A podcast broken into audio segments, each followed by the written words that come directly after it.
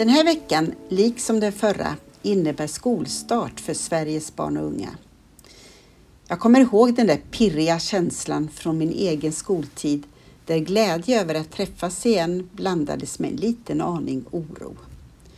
Och från min egen föräldratid känslan av att det både var skönt att vara tillbaka i vardagen och sorg över att den obrutna tillsammanstiden för familjen under sommaren var över för den här gången.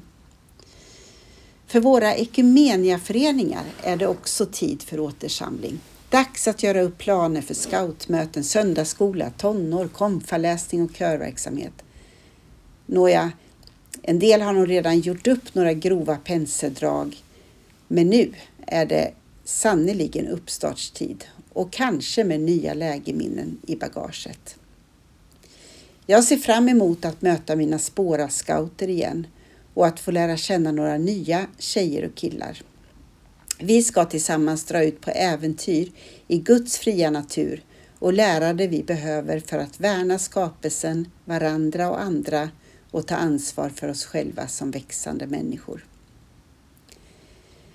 På andra sidan jordklotet finns Japan och våra systerkyrkor som utgör en mycket liten minoritet av befolkningen. Japan är ett modernt land med hög levnadsstandard och ett högt tempo som ger problem att brottas med. Pressen på människor är stor där alla förväntas prestera sitt yttersta i arbete och studier.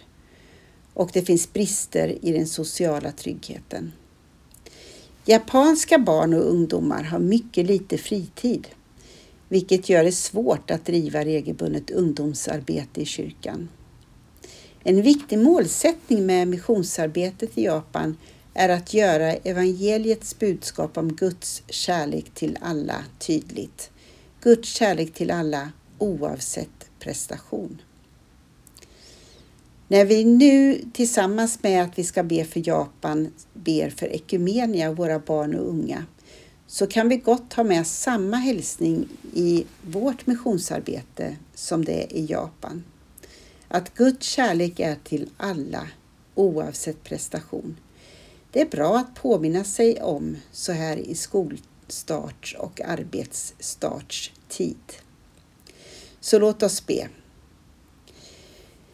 Gud, vi ber för Ekumenia och Sveriges barn och unga i förskola, skola eller arbete.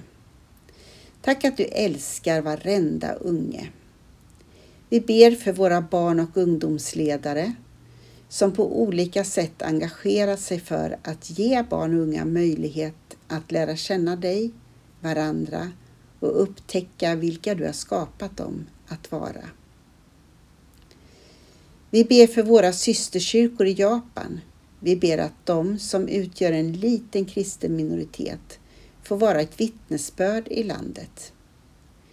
Hjälp dem att hitta vägar att sprida evangelium, bidra till social trygghet och en kärlek bortom prestation.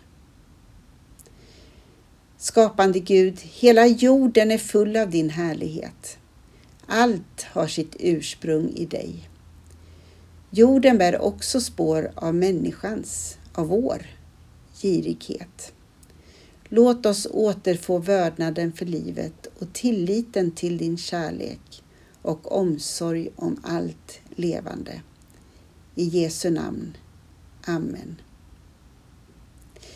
Vi kan väl bära med oss det som en hälsning var vi än befinner oss, för det är ju trots allt lite höststart för oss alla, också vi som går tillbaka till arbetet.